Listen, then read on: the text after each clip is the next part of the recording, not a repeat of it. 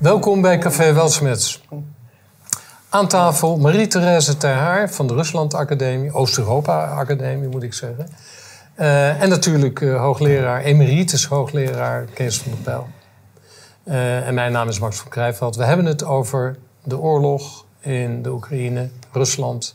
we hebben het ook over het sentiment, in, zowel in Rusland als in de Oekraïne. We hebben het over de relatie tussen Amerika en Duitsland, die nogal op scherp staat. En zo nog wat meer. Welkom mevrouw, welkom meneer.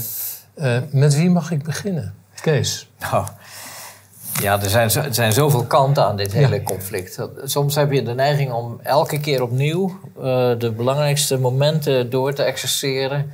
Die als je ze eruit laat, mhm. ieder begrip van de situatie onmogelijk maken. En dat eerste is het moment van de instorting van de, of de, de instorting van de Sovjet-Unie, van het Oostblok moet je eigenlijk zeggen. En de toezeggingen die toen aan Gorbachev zijn. Het is langzamerhand, voor veel mensen is het een cliché. Mhm. Maar voor heel veel andere mensen is het een vergeten uh, bladzijde. En dat is toezeggingen: de NAVO zal geen centimeter uitbreiden in oostelijke richting. Oké, zei Gorbachev, tot grote ontzetting van zijn militaire adviseurs. Dan halen wij onze half miljoen man troepen, onder wie een Vladimir Poetin bij de inlichtingendienst die halen wij terug uit DDR. Wij geven dus eigenlijk op uh, de, ja, de, de overwinning die we hebben behaald op de nazi-legers, waar we zo'n 20 miljoen mensen aan geofferd hebben. En wij halen die mensen allemaal terug. Nou, dat is dus een, uh, een, geworden, een, een stampij. Waarbij Rusland volledig is verwijderd uit Oost-Europese verhoudingen. En het andere grote moment is geweest. Uh, daar kan je ook nog bij nemen de instorting van de Sovjet-Unie, de opdeling van de ene dag op de andere. Een totaal ondoordachte en ja, etnopolitiek helemaal niet uitgedachte stap. Allemaal te maken met machtspolitiek van lokale elites. Hè. Jeltsin en zijn ploeg, de anderen hebben dat gewoon geaccepteerd. De, de, behalve de Slavische staten hebben alle anderen het gewoon via de krant uh, gehoord. De andere 13, wat zijn we, 13 uh, republieken. Nou, de andere datum die uh, onvermijdelijk genoemd moet worden is 2014, februari. De coup die toen over de ruggen van protesten van de bevolking tegen de plundering door uh, Yanukovych en de oligarchen. Mhm. Eh, de coup die toen is geregisseerd door Amerika. Iedereen kent het beroemde telefoongesprek waarin uh, Victoria Newland de nieuwe regering ja. bekend maakt. Ook zegt F sterretje sterretje K de EU. Met andere woorden, met de e- Europa hebben we helemaal niets te maken. Dat was toen al het gewicht wat Europa in de wereldverhouding in de schaal legde. En toen is, zijn de nationalisten aan de macht uh, geholpen. De mensen uit uh, op Rusland georiënteerde oosten en zuiden zijn in wezen van al hun rechten uh, beloofd, beroofd. Er waren twee, in, de, in de hele regering waren twee vertegenwoordigers die nog getraceerd konden worden naar die regio's, terwijl dat de helft van de bevolking is. Ja, en als je die twee data onthoudt, dus zeg maar 89, 91, geen uitbreiding van de NAVO. En dan uh, februari 2014 staatsgreep uh, die de nationalisten, anti-Russische machthebbers uh, in het zadel tilt. Dan snap je waarom het tot oorlog moest komen. Omdat Rusland in, bij monden van Poetin in 2007 al gewaarschuwd had als jullie doorgaan met het uitbreiden van de NAVO zonder met ons eerst een vredesregeling voor Europa te sluiten, uh, dan zal dat uh, oorlog worden. En dat heeft hij uh, een jaar later gestand gedaan in Georgië. Ja. Toen Georgië ja. probeerde die provincie Noord- of Zuid-Ossetië te heroveren met geweld. toen heeft Rusland teruggeslagen met heel veel verliezen. En, en uh, ja, daarbij kwamen heel veel problemen aan het licht uh, bij de Russische strijdkrachten. Maar goed, ze hebben laten zien, wij hebben geen loze beloften gedaan. Nee, en maar... wonderlijk genoeg, nu uh, Oekraïne op het punt stond, dus het regime in Kiev, om de Donbass met geweld in te nemen, heeft Rusland ingegrepen, nog voordat het tot een werkelijke aanval kwam. Maar er is een, een, ook een beetje een vergeten moment is dat Poetin aan de macht kwam. En die was naar voren geschoven, dacht ik, door Yeltsin in dat tijd. De positie van Yeltsin was onhoudbaar geworden.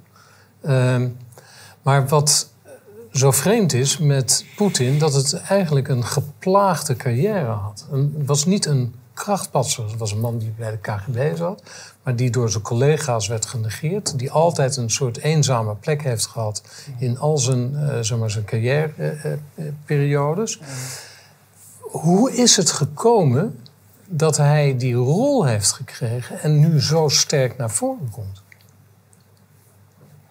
Maar Max uh, en Kees, jullie zeggen het al goed, ook met deze mooie opsomming, als ik daar nog even op in mag springen. Ik, ik, uh, ik loop iedere avond, als het ware, toch nog uh, met de hoop, met een stukje missie om uh, bij bibliotheken, bij Rotary, bij kunstclubs uitleg te geven van jongens, laat dit niet verder uit de hand lopen. Maar ik merk gewoon, kijk, de 15% bij de alternatieve media is ingelezen heeft ook enorm veel huiswerk gedaan. Maar ik kijk tegen 90% Nederlanders aan, waarvan heel veel goede mensen zitten, die tenminste zich gaan verdiepen en willen weten hoe het allemaal zo uit de hand is gelopen. Even los van alle politici en alle arrogante mensen en alle ook, ook media-sensatie uh, erbovenop. Want daar heb ik eerlijk gezegd geen goed woord voor over. Maar ik loop ook tegen heel veel goede Nederlanders aan die zich echt willen verdiepen maar met jouw opsomming, al noem ik de jaren 90, waar het al ontbreekt in Nederland aan kennis. Ja. Al noem ik uh, 2008, de Boekarest-conferentie. Al noem ik de NAVO. Al noem ik Wolfowitz-doctrine. Ik merk dat je tegen een zaal aanpraat. Wat bijna niet te doen is, Max. Bijna niet te doen is. En ik weet dat corona al heel veel studie heeft gevergd. Of milieu, of klimaat. En wat hebben we allemaal voor een uh, thema's. Maar dit is bijna niet, uh, niet, uh, niet, niet uit te leggen. 40 jaar uh, propaganda aan de westerse kant. En daarmee praat ik Rusland dus niet alleen goed. Maar als jij dan ook zegt van op het moment dat een Poetin aan de macht komt, waar, waar, waar staat hij vandaag de dag? Ja, dan heb ik dat de afgelopen twintig jaar geobserveerd. Van, in principe was die man zo Europees, de eerste Ja, jaren. ja. Ja. En al in zijn eerste jaar dat hij ook met Merkel daar staat... van wij willen een Europees huis, van Vladivostok naar Lissabon. Hij had de bevolking op zijn kant. En ik leefde in die tijd in Rusland, ik werkte er. Dus ik zag hoe een land van een, van een maffia-staat met zwervers... en uh, uh, lijm, uh, s- hoe heet dat? Lijm, snuivende jongen. Ontwrichte gezinnen, geen, geen banen meer. Eh, Voor mij was het, niet alleen voor mij, ik bedoel, in principe had ik werk. Maar het was Sodom en Gomorra. Dus om die eerste jaren te zien eh, met die wederopbouw, en geef het maar de naam met een Poetin, ja, dat is al in de westerse wereld toen al niet opgepakt. Ja, het begon daar al met KGB'er, ehm, met, met, met Politkovskaya, Ja. met de vermoorde mensen, met die man die deugt niet. En daar hebben we zoveel kansen gehad. Ik blijf dat onbegrijpelijk vinden. Dus als ik dat nu verkondig, ja, dan moet ik in zalen zo ontzettend oppassen om de naam Poetin te noemen, want ik word al bij voorbaat. eh, Maar, maar, maar hoe is dan het, sen- hoe is het eh, sentiment in Rusland zelf als het gaat over Poetin, als het gaat over deze oorlog, over de broeders in de Oekraïne, eh, de verliezen, wellicht ook de winsten die er zijn. Hoe, hoe, hoe zit dat sentiment dan? Nou, Max, ik zat hier vorig jaar met jou aan tafel op een manier dat ik echt 24 februari, het is nu bijna een jaar geleden, Kees. Ja. Ik eh, durf eerlijk te bekennen van, eh, ik was ongelooflijk de weg kwijt. Ik heb er niet van geslapen. We hadden protestmarsen voor het pand. We hadden... Ik dacht zelf ook van, oh, daadwerkelijk een invasie in Oekraïne. Is de Russische regering Poetin hiertoe in staat? Ik ben, eh, ik ben Ja. ongelooflijk van mijn apropos geweest. En ik heb... eh, ik, heb, eh, ik ben woedend geweest op de Russische regering. Ik wist niet wat er aan de hand was. Eh, ik heb ook die enorme gewetensvraag gehad van... heb ik het allemaal 40 jaar fout gezien? Hm. Ja, dat was, dat was een gekke gewaarwording. Dan natuurlijk de Russisch met mijn Russische kennissen. Uh, uh, uh, de mensen aan de, aan de, aan de pro-regering kant en de mensen echt aan de oppositiekant. Natuurlijk in Moskou en in Petersburg heb je iets meer elite. En tot en met de, de, de, de twintigers, dertigers die wat meer kansen hadden in mijn kennissenkring. dus het, is het eerste half jaar was het zoeken en gaan. En ehm, is er heel veel polarisatie in Rusland geweest zijn de eerste drie maanden de Russische media ook op hol geslagen. Ik griezelde ervan. Maar de laatste half jaar uh, kun je merken uh, dat het uh, volk ook zich is gaan inlezen. Toch wel? Ja. Dus uiteraard zijn de mensen, ik schat een 10, 20 procent van deze mensen, vooral uit Petersburg, Moskou, die jonge mensen die gevlucht zijn. Ik blijf ook ervoor dat de middenklasse zijn stem moet laten horen. Ik blijf dat afschuwelijk vinden als mensen in elkaar worden geslagen. Maar ik weet wel dat de 80% die is onderbelicht gebleven in onze westerse media. En die groep is sterker geworden. En laat iedereen me zeggen van uh, dit kun je toch niet goedkeuren. Nee, omdat we in de westerse wereld daar te weinig van weten. Nou ja, kijk, de, de uitkomst is dat er meer wapens gestuurd worden. Ja. Hè? Dus ja. Duitsland, en daar komen we zo op. Hmm. Duitsland uh, stuurt nu wapens. Uh, de Amerikanen die hmm. hebben al wapens gestuurd. Die lagen al in de in de, de havens van Rotterdam lagen die te wachten op transport. En in, ze... in Zuid-Limburg ook, hè? Eigelshoven. Ja. Is, een, is een opslagplaats voor uh, zware Amerikaans materieel. Ja, maar dan moet je je dus voorstellen, ze zijn er al. Ja. En uiteindelijk is het al besloten. Ja. En dan in Den Haag wordt er nog over nagekoud. Maar goed, even los daarvan. Als je oorlog wilt, dan doe je dit. Als je vrede wil, dan doe je dit niet, lijkt mij. Nee. Dus we kunnen constateren dat Europa inclusief Nederland, willen oorlog. Ja. Dat is duidelijk. Nou, Nederland, Nederland is meer dan andere eh, landen in Europa. Hè? Nederland staat op de zesde plaats van leveranciers van wapens aan Oekraïne. Nou, we zijn natuurlijk een relatief klein land als je het vergelijkt met de buren. Dus wat dat betreft is, het, is uh, Nederland speelt een voorhoederrol. Uh, al wees iemand mij gisteren op dat Nederland ook op de vijfde plaats staat van landen die nog steeds handel drijven met uh, Rusland. Ja, dat is een hele merkwaardige ja, ja. dubbelslachtigheid. Maar niet als het gaat om gas. Nee, nee, gas niet. Maar wij, wij importeerden sowieso heel weinig gas uit Rusland.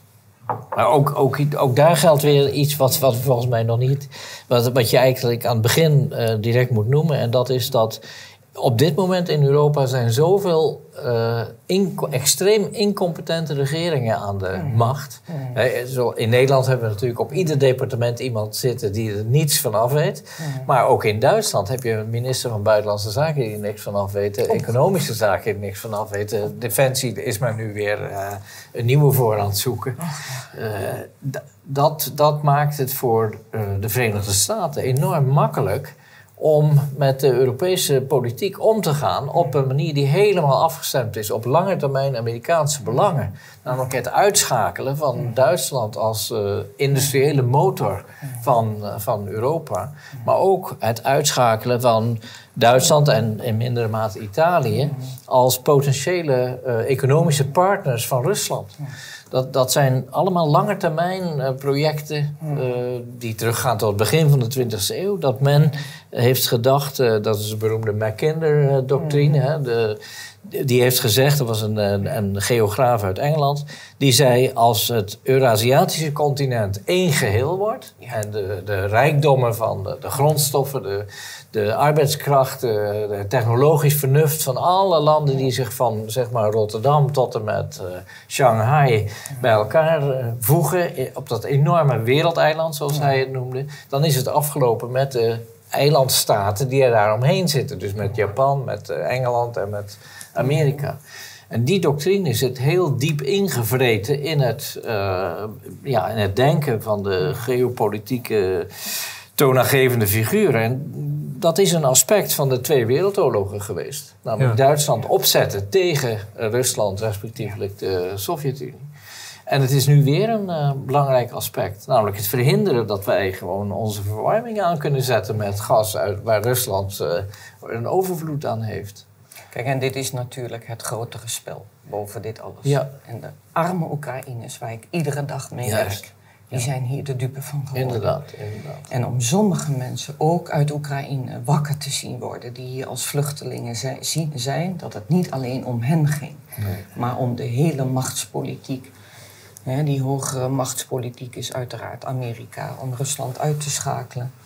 En dat, eh, dat ligt er gewoon niet om. Wat jij ook zei, de achterliggende reden: keep Americans in, Ja. Germans down en Russians out. Ja. En als je dit ziet, hè, dat is de grotere strijd hierachter. En daarom ben ik ook echt huiverig voor de neoconservatieve regering op dit moment. Omdat die hun macht niet kunnen afstaan of niet kunnen erkennen dat dit eigenlijk al een verloren zaak is. Ja. Op meerdere fronten, als ik je Ja. mag onderbreken. Want Ja. het is dus niet alleen een eh, geopolitieke eh, kwestie. Ja, het is op zich wel komisch dat eh, de term geopolitiek tot aan 1945 totaal, of na 1945, volledig taboe was. Want dat was namelijk de officiële nazi-doctrine over de internationale betrekkingen. Maar goed, de term is nu weer terug. Het is niet alleen een geopolitieke kwestie, maar ook een economische kwestie. Omdat het speculatieve kapitalisme van het Westen is vanaf 2008 dus één grote aaneenschakeling van, van crisis en bijdrukken van geld geweest. Terwijl het staatskapitalisme van China, eh, Rusland, in mindere mate Turkije, Iran enzovoort, is, eh, heeft een moment van sturing behouden, maar ook een behoefte aan investeringsfondsen, Ja. die door die speculanten niet kan worden geleverd. Want dat, dat is geen aantrekkelijke. Als jij een nieuwe eh, generatie industrie opbouwt en over 25 jaar eh, een opbrengsten gaat krijgen, daar kunnen Wall Street en City van Londen niet op draaien. Dus die, die botsing die daar plaatsvindt tussen twee types. Eh, kapitalisme, ja, ik persoonlijk vind ik nog altijd zeer betreurenswaardig dat de planeconomie in de tijd mislukt is. En dat we dat niet hebben kunnen digitaliseren en ga zo maar door. Maar dat is een ander verhaal. Die, eh, dat dat eh, de BRICS-kapitalisme, dat neemt het over van het speculatieve kapitalisme. En het beslissende moment daarin is het besluit van Saoedi-Arabië, ook geen vrienden van ons neem ik aan, maar dat doet er verder niet toe, om mee te gaan Ja. met de BRICS. En daarmee geeft men dus het essentiële aspect op van de, ja, de na Bretton Woods generatie, dus zeg maar de tweede generatie IMF Wereldbank, na 73. En dat was dat de dollar weliswaar niet meer door goud gedekt werd, maar nu gedekt werd door de Saoedische olie. En het eh, besluit van Saudi-Arabië om alle wereldhandel in grondstoffen, voorop de olie natuurlijk, in dollars te laten plaatsvinden. En dat heeft een overwaardering aan de dollar gegeven. En dat daarbij nog eens komen te speculeren en het eh, bijdrukken van geld. Waar de Amerikaanse macht op gebaseerd is. En er zijn dus heel veel mensen die zeggen. Op dit moment is het zo dat de miljardairsklasse die in Amerika de eh, lakens uitdeelt. En die, die ook een president heeft geselecteerd. eh, die in wezen niet eens in staat is om zelf de weg naar de wc te vinden. De, de- de- ook, ook iets wat de vraag oproept: hoe is het mogelijk dat dit machtige land met zo'n figuur. zou er werkelijk niemand zijn geweest die. Die die rol beter aan kon nemen en wil voorkomen ooit nog geconfronteerd te worden met een John F. Kennedy in zijn latere eh, ontwikkeling. Maar die miljardairsklasse in Amerika, die weet dat als dit zich nu doorzet zoals het nu gaande is, dan zal men eh, geconfronteerd worden met een, laten we zeggen, halvering van de feitelijke economische macht die men vertegenwoordigt. Maar een halvering is niet iets wat eh, boekhoudkundig ge- geregeld kan worden. Dat wil zeggen een instorting. Nou, daar zitten zij niet op te wachten. Dus de Bill Gates en de Warren Buffett en noem ze allemaal maar op. Die zullen druk uitoefenen van er moet eh, we moeten winnen in Oekraïne. Dat maakt het een zo absurd eng. begrip. Nou, ja. Maar eh, dat, Ja. dat, eh, dat, zijn, dat is de inzet van dit eh, Ja. ja. Wereldhistorische conflict. Want dat is het. Ja. Kijk, Oekraïne wordt gewoon opgestookt. Er zal niets van overblijven. Het land dondert in Ja. elkaar. Is voorspeld hè, door, de, door eh, vele mensen. Die hebben gezegd, als je het aan dat land gaat duwen en trekken... dan valt het uit elkaar. Want het is geen eenheid. Dat is ook de reden waarom ze er zitten natuurlijk. Dat is een mooi uitgangspunt om oorlog eh, eh, te voeren. Nou ja, je- je zou in zekere zin kunnen zeggen... oorlog is het, het, het moment waarop een aantal conflicten... die tot dan toe uitgepraat, uitgeonderhandeld, uitgesanctioneerd werden... waarop het werkelijk tot vechten aankomt. De wapens zullen moeten beslissen wie hier gelijk heeft. En ja, als je even terugredeneert, dan kan er ook eigenlijk maar één uitslag van deze oorlog zijn. Zij het dat we altijd moeten bedenken dat een oorlog is een verschrikkelijke crisis in humanitaire opzicht voor alle partijen. Maar er kan maar één uitslag van deze oorlog zijn. En dat is dat het sterker wordende deel van de wereld zal dit conflict winnen. Ja. Zeker omdat zij op dit moment, je sprak net over Poetin. Ik weet niet wie zij een onbeduidende figuur in eerste instantie. Maar het is iemand die gegroeid is in de rol van staatsman. En op dit moment de enige politicus in een wijd veld is, in ieder geval eh, zeker naar het westen gekeken, die de statuur heeft van, laten we zeggen, een de Gaulle.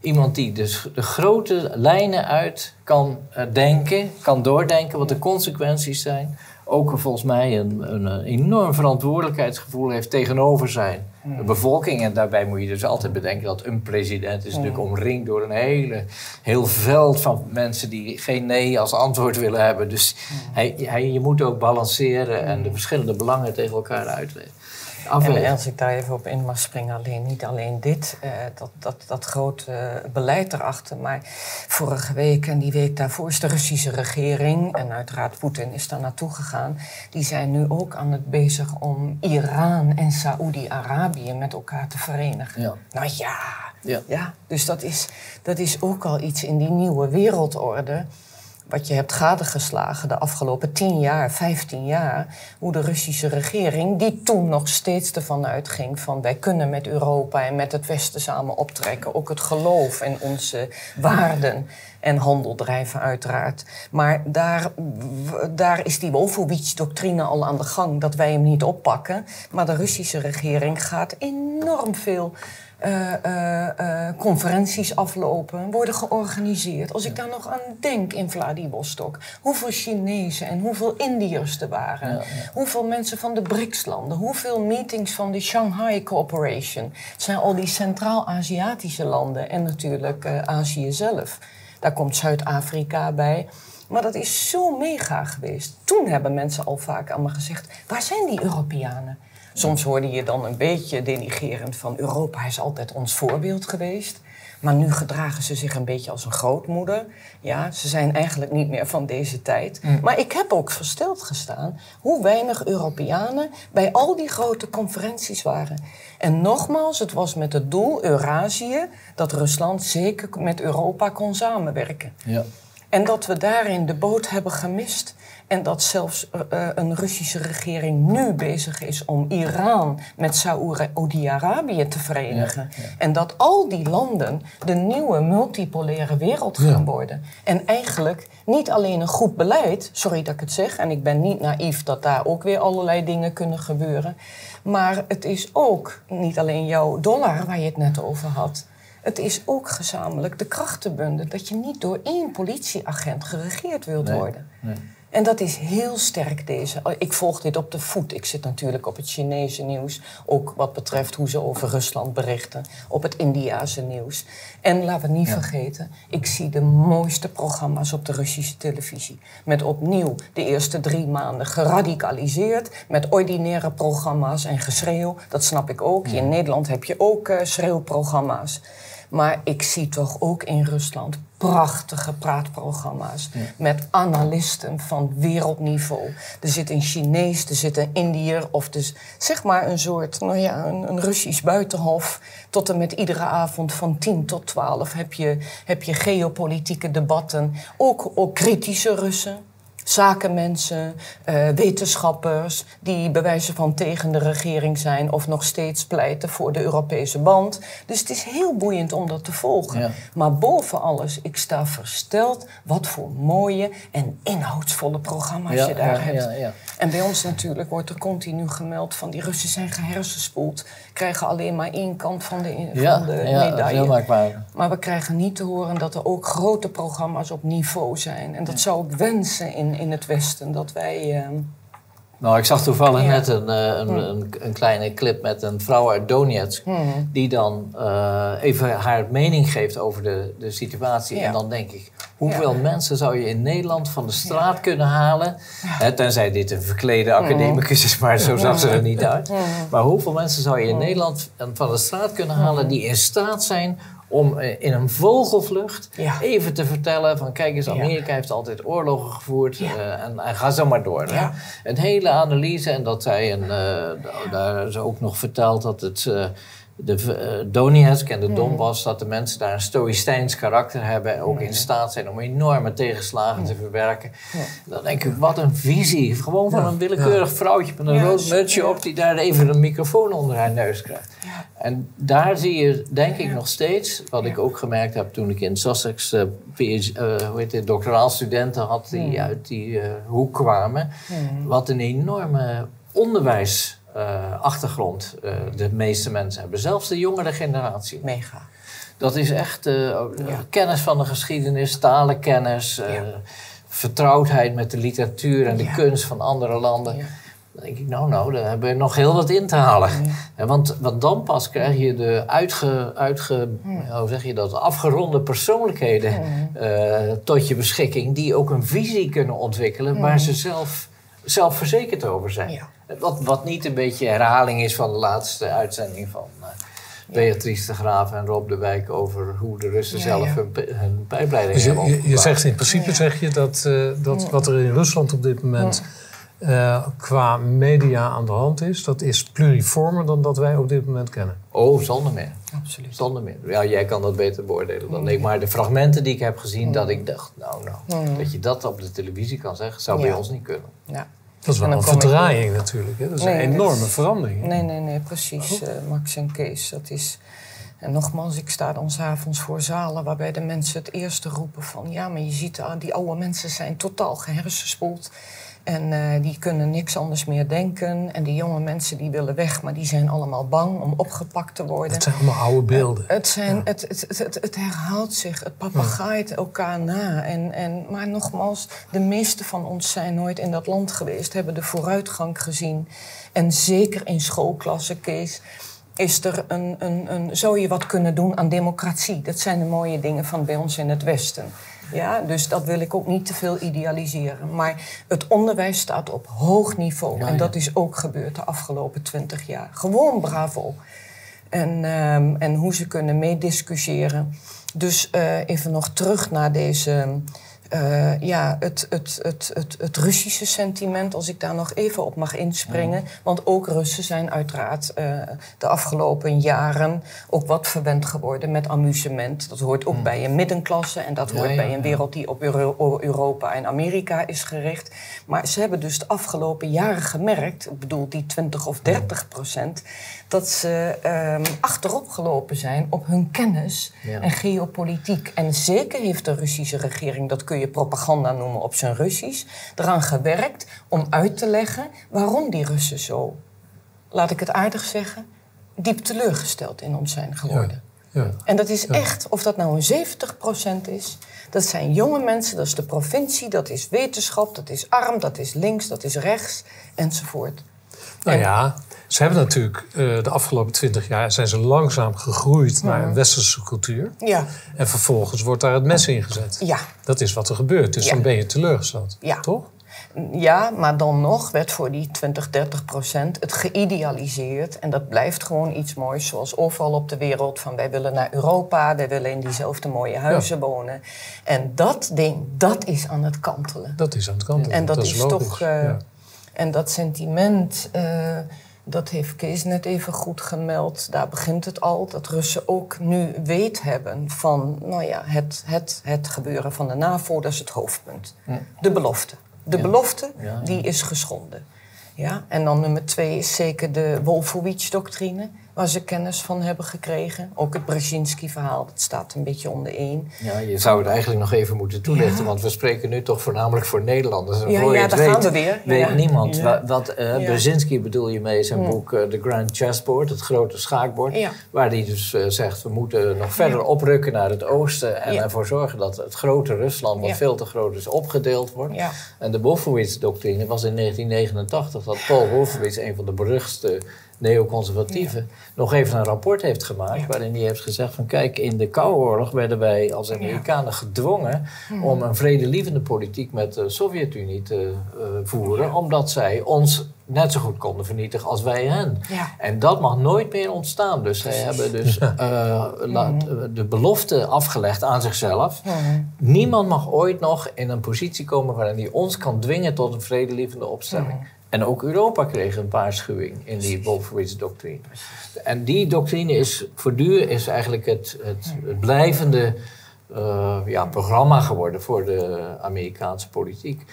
En ze hebben natuurlijk enorm op hun neus gekeken toen in 2018, omdat de Russen volgen deze ontwikkeling ook.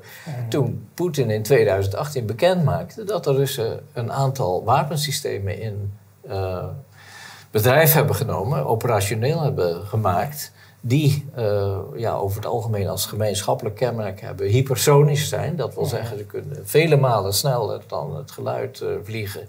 Waar de Amerikanen geen defensie meer tegen hebben. Dus opeens ligt die hele Wolfowitz-doctrine, die ligt in duigen.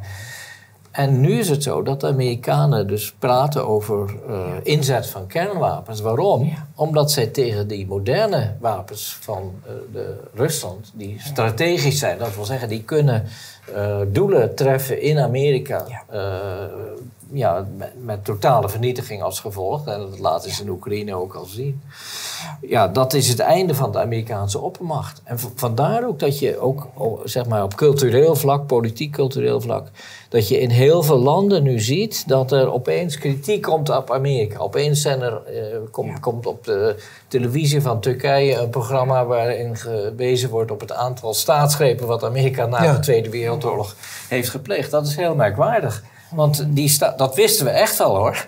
Alleen dat was geen populair thema. Dat was niet een thema waar je niet eh, daarna een telefoontje van de Amerikaanse ambassade over kreeg. En dat eh, punt is gepasseerd. En, en nogmaals, volgens mij is de stap van Saudi-Arabië, en eh, ik ga ervan uit dat dat een. hè, ze moorden Jemen uit en noem alles maar op. Dus we hoeven helemaal geen tranen erover te laten. Maar dat Sa- Saudi-Arabië nu heeft gezegd: wij gaan ons ook op die BRICS oriënteren. Ja. Zij weten Ja. namelijk ook dat ze van de ene dag op de andere eh, ten val kunnen worden gebracht Ja. als de Amerikanen eh, het zint. En, die, wat jij net noemt, hè, die toenadering tussen Iran en Saoedi-Arabië, die is dus al veel langer gaande. Eh, je herinnert je misschien nog dat Soleimani, de genera- ex-generaal van de eh, Nationale Garde van Iran, dat die toen op aanwijzing van Trump Volgens mij wist hij nauwelijks waar hij, eh, welke orde hij gaf. Maar toen is hij Soleimani opgeblazen. En die was op weg, in Irak is hij gedood, hij was op weg naar Saudi-Arabië als Iraanse topman. Backchannel noemen ze dat, dus niet meer een officiële functie, maar eh, nog wel met een belangrijke opdracht. En dat gaat nu door. Dat is niet meer te stuiten, want in, in die landen weet men nog heel goed. Wij weten niet meer wat, wie Soleimani was, hoe die opgeblazen. Dat zijn we alweer vergeten, want we hebben alweer Helal en Bakte en nog een aantal andere belangrijke programma's er tussendoor gehad.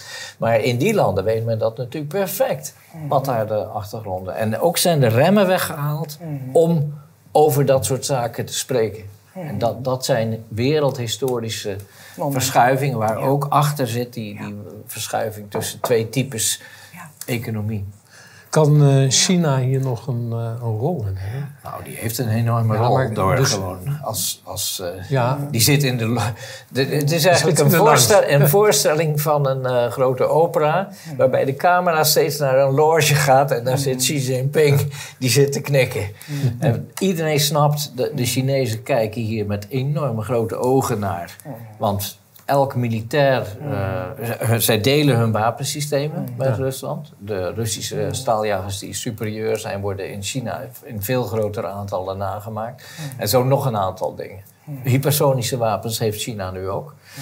eh, ja, die kunnen maar één bron hebben en dat is de Russische technologie. Omdat de Russen kunnen geen auto maken om een of andere... Ik heb altijd een Lada gehad, maar daar kan je verzekeren dat was geen groot succes. Maar vliegtuigen en alles wat vliegt, daar zijn ze superieur in. Ja. Ja. En dat, de Chinezen die, die hebben natuurlijk veel meer geld, dus die, kan dat, die kunnen dat overnemen. Maar ik bedoel meer politiek. Wat, wat, wat kan Rusland hier veranderen nu aan die situatie?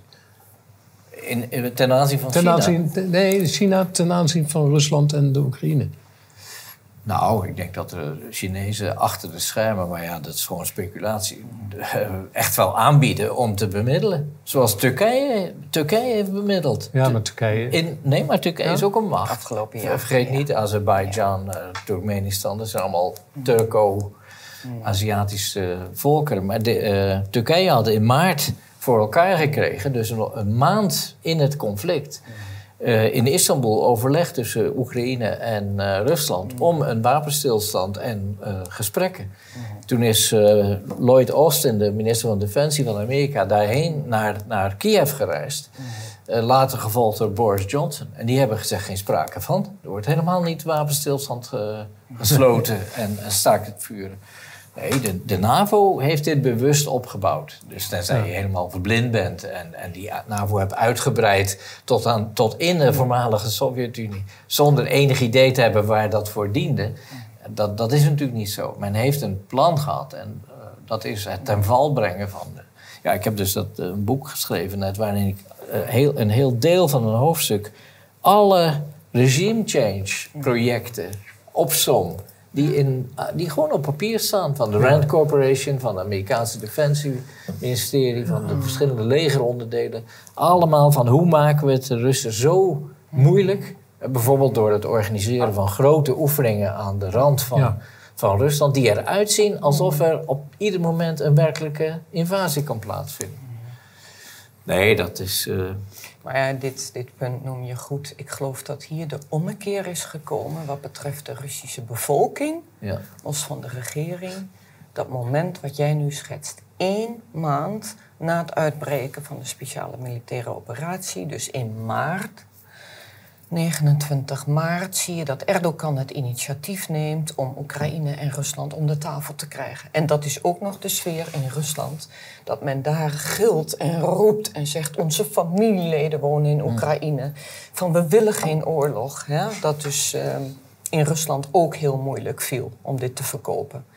En daar streeft men en wacht men op dat moment van dat de vredesonderhandelingen gaan beginnen.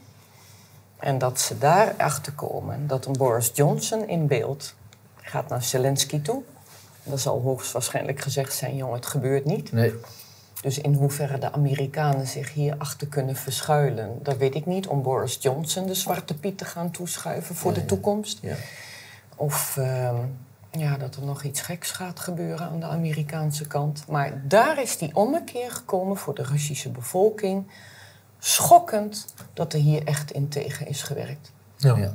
Ja. En, en, en, en, en laat ik ook even niet vergeten te zeggen wat een paar maanden geleden de laatste groep nog inzicht heeft gegeven, die kritisch waren naar de Russische regering. Op het moment dat Angela Merkel, die nog voor een heleboel Russische zakenmensen geprezen werd, of in ieder geval in bescherming werd genomen, dat Angela Merkel openlijk heeft eh, verkondigd dat het Minsk-akkoord, nou, even een beetje opfrissen, want dat is wel een belangrijk moment ja, ja. Om, om Russen te begrijpen. Ehm, in 2014, die vreselijke eh, eh, eh, Maidan-revolutie in het Westen gezegd, staatsgreep zeggen wij, McCa- McCain op het plein, Joe Biden's erbij, Hillary Clinton. En daar gaat dus de West-Oekraïnse regering de westerse kant uit. Maar dat hebben we in Nederland ook te weinig belicht gekregen, dat daar zoveel zoveel Russische mensen wonen. Ja. Zoveel Oekraïners met Russen getrouwd. Ja, die zijn veel meer verbonden met elkaar. Dan blijf ik zeggen, ook al zegt de Oekraïne nu van... Nou, die mevrouw Ter Haar, die deugt niet. Maar ik blijf het zeggen, daar ben ik van overtuigd. Mensen zijn eeuwen met elkaar verbonden. Behalve de westkant, die nationalistische kant. Maar verder in Oost, in Midden-Oekraïne, aan de zuidkant... dat is dezelfde borst, dat zijn dezelfde ogen... dat zijn dezelfde traditie, dat is dezelfde religie en een taal. Dus dat is voor die mensen echt heel moeilijk geweest... om ineens naar de westkant over te gaan Waar natuurlijk helemaal pro-westerse, pro-Amerikaanse regels en elite Ja. heersten. Ja. Ja, dus vervolgens krijg je daarop dat die mensen dat niet willen en er ontstaat een burgeroorlog. Hebben we veel te weinig in de westerse wereld Ja, ja, ja. gezien. Afgelopen jaren zie ik nog met schok hoe al die mensen de Nederlandse grens binnenkomen, moeders met kinderen. En natuurlijk waren we in Nederland geraakt daardoor. Uh, maar ik heb in 2014 en 2015 zoveel Oekraïens-Russische mensen de grens over zien vluchten naar Rusland toe, omdat die uh, uh, in het nauw kwamen, de, uh, de Kiev-regering toen met Amerikaanse hulp, westerse hulp, hebben het heus allemaal niet zo prettig aangepakt en hebben ook clusterbommen gegooid en hebben daar ook 14.000 mensen het leven, van het leven beroofd. Laat staan, hun hele wetgeving was funest. Maar dit punt kan dus in Europa duidelijk worden van oh, er is een burgeroorlog aan de gang. Daar moeten we toch wat aan doen. Dus Merkel en Hollande, samen met Poetin en Poroshenko, de voorganger van Zelensky, gaan om de tafel en gaan dus proberen deze burgeroorlog te stoppen. En om een verzoeningspoging te hebben, maar met handtekeningen. Hoe geven we die etnische Russen, maar ook de Oekraïners met Russen getrouwd, die, die een goede verhouding met Rusland wensen, hoe gaan we die toekomst geven? Met dat hun taal wordt gewaardeerd en dus misschien een stukje autonomie. En die Minsk-akkoorden, die zijn ondertekend. 2015. Maar en wat als- Max en wat Ja. zegt Merkel een paar weken geleden. Ja. Openlijk, in de camera. Hollande voegt zich daar nog even bij. Van het was eigenlijk nooit serieuze opzet. Ja. Ja, dat het was eigenlijk eh, om tijd te winnen. Ja. Dat Kiev be- bewapend kon, Kon worden. worden om de dat de NAVO daar getraind kon worden. Ja. En daar zijn de Russen nogmaals de meest liberale. Zelfs de oligarchen die nog dachten om weg te vluchten naar het westen. Die zijn daar, hebben met eigen oren gehoord. Voor hen is het NAVO-bedrog is een grote hoor. Ja, maar die konden bedrog. sommige mensen nog even wegzetten van... oh ja, is lang geleden. Maar deze kwam er bovenop. Ja, ja. Uit de dat is- onverwachte hoek. Uit onverwachte Ja, hoek. ja. En die heeft, die heeft, nou ja, dan kunnen we in Nederland zeggen... Russen worden gehersenspoeld. Russen zijn, eh, eh, zijn niet op de hoogte van, van, van enzovoort, enzovoort. Maar hier hebben ze met eigen ogen gehoord. En dit is, dit is absoluut een druppel geweest. Maar wat moet er gebeuren? Wat moet er bereikt Hmm. zijn om eh, naar vrede te gaan? Ik heb, ik dus heb, even vanuitgaande dat aan de kant van de NAVO Ja. eigenlijk een oorlog wordt gevoerd die ze ook graag in stand willen houden. Nou, die feiten zijn inmiddels wel duidelijk. Maar wat wil de NAVO dan uiteindelijk bereikt hebben, alvorens ze tegen Zelensky zeggen van nou, ga nu maar aan tafel zitten? Ja, ik, ik denk dat eh, eh, een van de doelstellingen die aan het begin eh, zijn geformuleerd, natuurlijk niet als officieel politiek programma, maar die er duidelijk achter zaten, dat was dat eh, Rusland door de sancties alleen al he- heel snel op de knieën zou worden gedwongen. Nou, intussen hebben we gezien dat de Russische graanproductie is van 40 miljoen ton naar, 80, naar 70 miljoen ton gegaan. Dus er, is, er is een totaal omvang. De roebel is omhoog, noem alles maar op. Omdat dat BRICS-kapitalisme, dat staatskapitalisme, heeft een element van leiding waar je nog eh, ja, de, el- niet, elke, niet elke tak van bedrijvigheid in een land als Rusland is onderhevig aan dezelfde winstdruk eh, die, wij, die bij ons geldt. Ehm, nou, die, die, die, die, eh, kaart is dus nooit, eh, hebben ze nooit kunnen uitspelen. Namelijk het Rusland economisch op de knieën krijgen. De bevolking opzetten tegen de huidige regering is ook mislukt. Maar dat wil niet zeggen dat men eh, ja, gracieus zich terug zal trekken. Als blijkt dat de tanks die gisteren nacht al door Nederland reden. Een trein, een paar jongens hebben een filmpje gemaakt. Daar zie je Amerikaanse Abrams-tanks achter op een trein staan. Uh, en die jongens helemaal verbaasd en zo op een filmpje van gemaakt. Dat is op internet gegaan.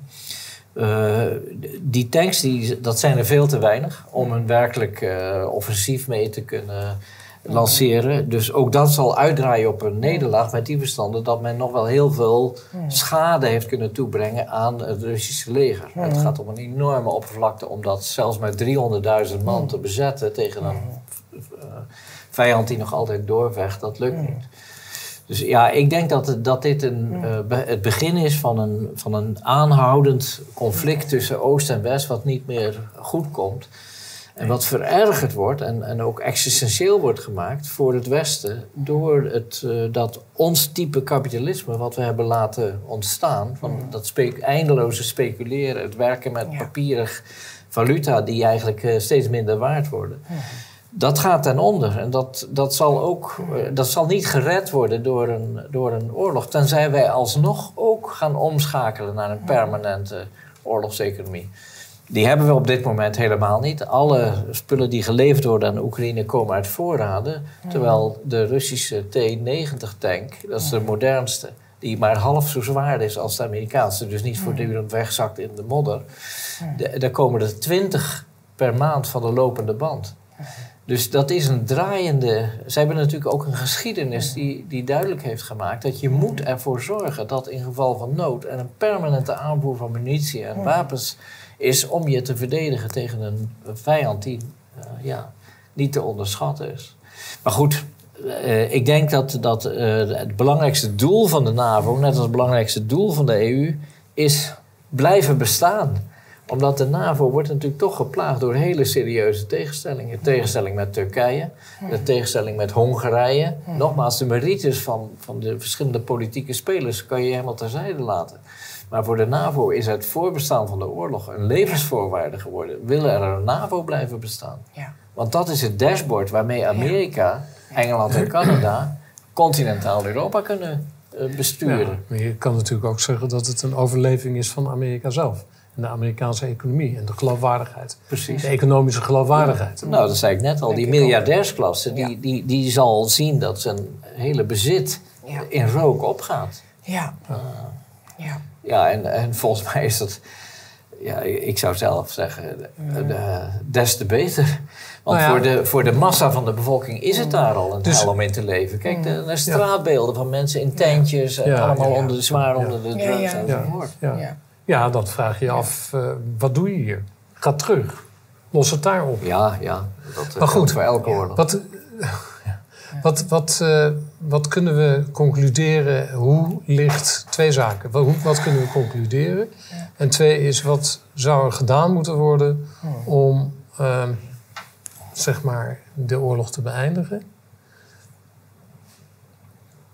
Ja, we moeten in ieder geval het, het enorme tekort aan, aan kennis in Nederland.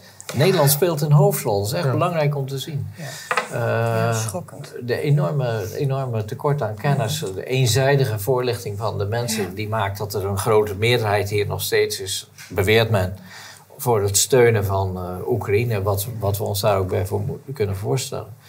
Maar uh, kennis oplossen is heel belangrijk. Uh, het, het doen, het leven van een soort vredesbeweging die zegt van het moet afgelopen zijn. Die, Een beweging die in Duitsland veel sterker is dan hier. Hè? In Duitsland zijn echt demonstraties. Hier hou je toch het idee dat de straat op gaan voor. En dan het risico lopen om als Poetin-vriend te worden aangemerkt. Dat is geen aantrekkelijk vooruitzicht. Nee. Nee. Ja. Nee, maar Kees, dat is uh, zeker in Duitsland. Petje af wat daar de mensen op de straat lopen. Ja. Ongelooflijk. En hoe dat ook in, in wezen te weinig op onze uh, berichtgeving, nee, hoe dat gemeld wordt. Uh, maar petje af. Maar ik, ik Max, ik, ik, ik, ik, ik kan het jou toes, jouw kijkers toeschreeuwen. Dat, dat, duizenden jongens uit Oekraïne worden als kanon, kanonnenvoer gebruikt. Dit is, dit is, sorry, niet meer te redden. Nee. Ja? En als morgen, als iemand maar het lef zou hebben om te zeggen... Oekraïne neutraal, is het afgelopen? Is die oorlog afgelopen? Ja. ja. Maar niemand doet dat. Niemand wil het op En, dit en- moment. en- precies. Niemand wil het. Dus hoe kunnen we Dus hier ook jouw kijkers niet, oproepen? Allemaal handtekening, dat wij ook de straat Ja. op gaan. Ik weet dat het waarschijnlijk weinig, eh, weinig helpt. Ik ben trouwens ook verbaasd over de rust, toch, van de Russische regering. Hoe die eh, wel overwogen en rustig spreken. Ja. En geen gedreig met toestanden. Ik ben eerder bang voor de Amerikaanse emotie, paniek, uitspattingen, wat je daarvan te horen krijgt. Ja, om, ja. Wat jij ook En zegt. ook verdeeldheid, Om dit hè? zo door te zetten. Kosten wat kost, duwen, pushen. Nog hogere propaganda, nog meer wapens. Ja, en dan niet meer terug kunnen. Omdat als je je eigen kunnen. bevolking helemaal gek maakt.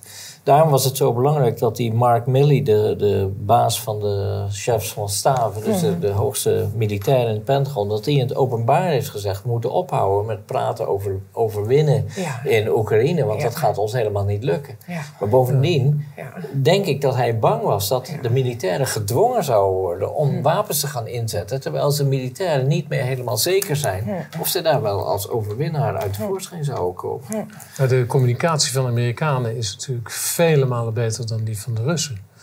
En op communicatieniveau winnen de Amerikanen voortdurend. Altijd. Met alle consequenties.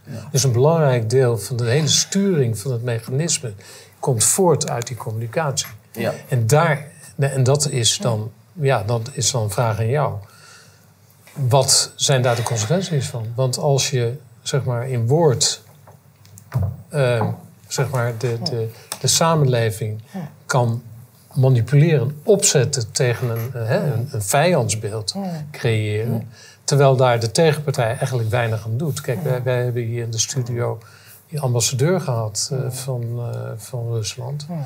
En dan is het toch eigenlijk wel heel benauwend dat ook die man niet in staat is om het beeld echt goed neer te zetten. Nee. Nee. Ja. Nee, maar oké, dat is deels natuurlijk een stukje traditie en een stukje.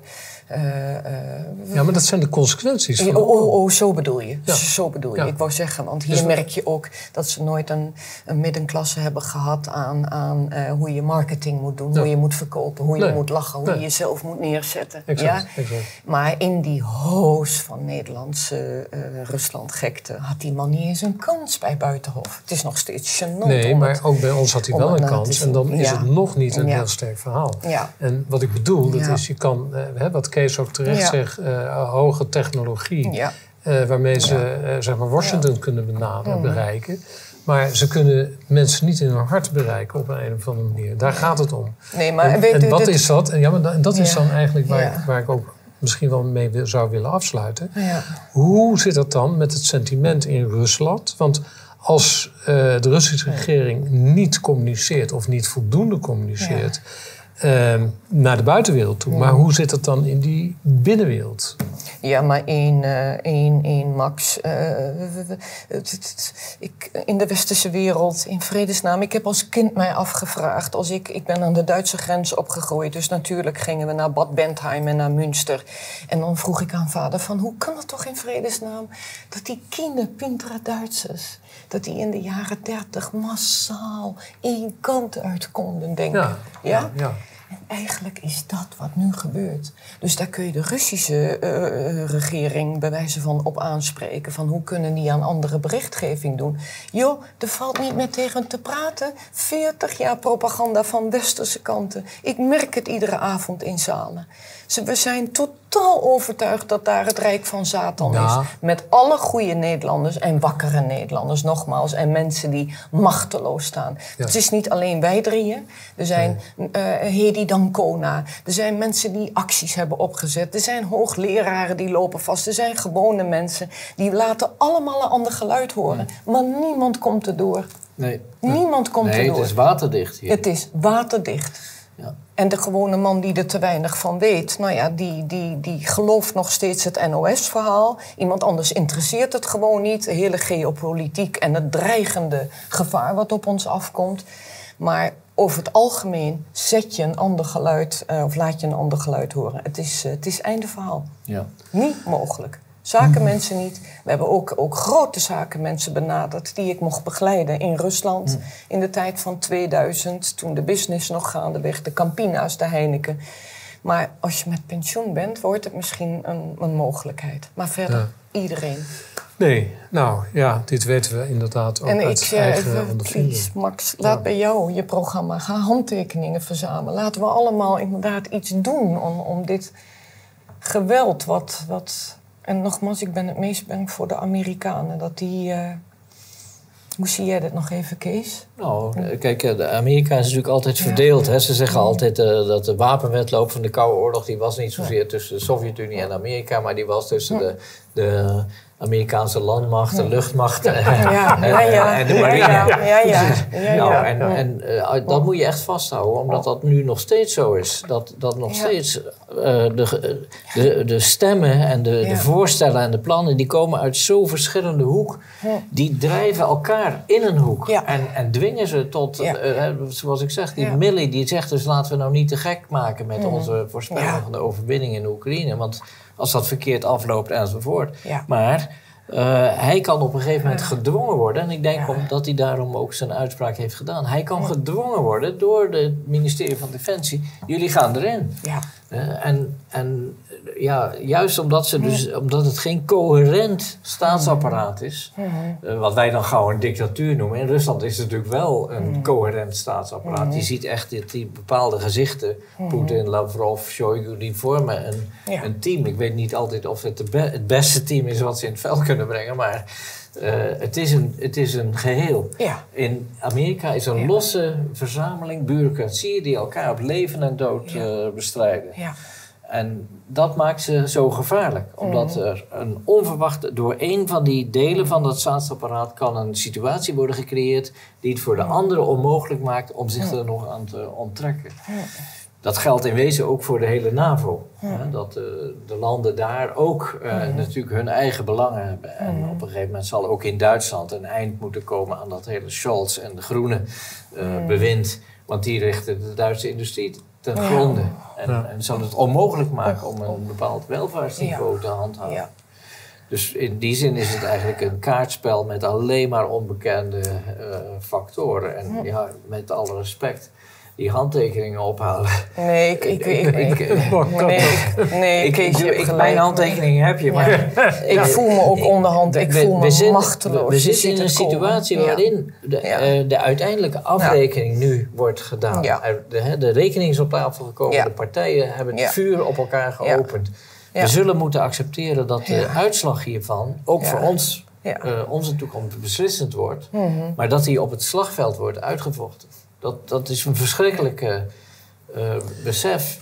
Ja, Maar het is zo. En het stap verder is nog, als de NAVO of Amerika toch kost wat kost wil doordrukken. Als je dan echt NAVO-troepen, grondtroepen, ik weet ze zijn er al lang, maar echt in Oekraïne binnenlaat. En wat dan? Ja. Ja. Nou moet je ook wel bedenken, als je even terugkijkt, we kunnen niet al te ver afdwalen meer, maar als je het even terugkijkt naar bijvoorbeeld de Golfoorlog hè, in 1991, om, om eh, Irak toen voor de eerste keer aan te pakken. Ja. Als je dan ziet hoe men ongeveer een half jaar nodig heeft om het leger eh, bij elkaar te Ja. krijgen, te stationeren, om een werkelijke invasie tegen een in wezen al verslagen Ja. vijand, dan zou je natuurlijk veel meer moeten zien op dit moment als men echt het plan had om Rusland aan te vallen. En als, ja, dan is het niet genoeg dat ze vijf of zes tanks op een Nederlandse trein gisterennacht eh worden gefilmd door er een waren paar er iets jongens. meer. Er waren er iets meer. Waren er meer? Ja. Nou ja, goed, maar laten er 15 of 20 zijn geweest. Dan nog, de Russen hebben 1500 tanks nu klaarstaan van de alle modernste typen. Allemaal van een latere datum dan de Abrams van eh, Ja. Amerika, die ook allemaal storingsgevoelig zijn. De, de rijden op vliegtuigbenzine. Ja, dat is hier ook kerosine. hè. En, Ja. die- en daarmee heb je dus een aparte... Dan moet je een hele aparte logistieke Logistiek structuur in een land ja. waar de Ja. treinen, treinen niet meer rijden omdat de stroom eruit ligt. Ja. Nee, Nee, het is het in stand houden van eh, de status quo eigenlijk tussen precies. partijen. precies. Ja. Een, een, een onoplosbaar conflict creëren, wat, waarvan men nog Ja. steeds hoopt dat dat heel langzaam de energie uit het Russische systeem zal halen en de bevolking zal opzetten tegen Poetin. Nou, dat is Het zal niet gebeuren, want ik heb, ik heb, het is net alsof ik naar de tijd terug ga van Napoleon. die daar even dacht om al die lijfeigenen maar even te, op te zetten tegen de tsaren, die toen ook niet al te best waren. Massaal gaat de bevolking zich verenigen. Ja. En denk aan het hele Hitler-verhaal. Ja, die ook even dacht, ik, ik word daar als een bevrijder binnengehaald. Omdat het in Stalins tijd niet makkelijk was. Nee. Ja, absoluut. Maar massaal gaan ze de krachten vormen. En dat heb ik afgelopen drie maanden gezien. Ongelooflijk hoe hier de krachten worden gebundeld. En hoe zij hun land gaan verdedigen. Maar kosten wat kosten Ja. eh, dit, gaan, eh, dit gaan volhouden. Ja. Eh, en geen pardon meer kennen. En ik weet dat, want ik, het is natuurlijk een belachelijke opmerking, maar er Nou ja. moet toch iets want, eh, aan gedaan kunnen Nou worden. ja, dat- dat- of zoals dat- de Duitsers massaal de straten op. Roep je Ja, ook, nee, je kan, we hebben dus nu een, eh, een korte geschiedenis. Drie Mm. jaar lang hebben we geprotesteerd tegen onder andere de, de maatregelen, de COVID-maatregelen. En je ziet wat daarmee gebeurd is, hè? dus niets. Er zijn momenten dat je gewoon niets moet doen. Daar ben ik nu inmiddels van overtuigd. Het gaat vanzelf zich oplossen. Ehm, alles wat je eraan doet, versterkt als het ware de tegenkrachten. Dus ik denk ook in dit geval, die oorlog, die, ja, die moet gewoon uitgewoed worden. Soms eh, doet de brandweer dat ook. Hè? Dan laat hij het rug. uitweren. Rus. Nou ja, nee, maar ik denk, dat ben ik niet hoor, dat ben ik echt niet. Maar ik heb echt een, eh, een, het idee van, ja, soms moet je als mens gewoon, zijn de machten zo groot. Ja. Laat ze, maar, laat ze zelf, zichzelf maar kapot maken dan, denk ik. Ja. Maar als we altijd maar goed in gedachten houden dat natuurlijk miljoenen mensen die er Ja. niks aan konden Nee, doen, die er niks aan, die gaan in, mee. Deze, Ja, ja. in deze gehaktmolen worden Ja. meegetrokken. Ja. En waarschijnlijk gaan wij ook mee op een bepaald moment. Dat zou gewoon heel goed kunnen. Nou ja, Ja. laten we het nog even droog houden. Laten we het nog even droog houden. Mag ik jullie ontzettend bedanken. Maxi. Dankjewel. Lieverd. Tot de volgende keer.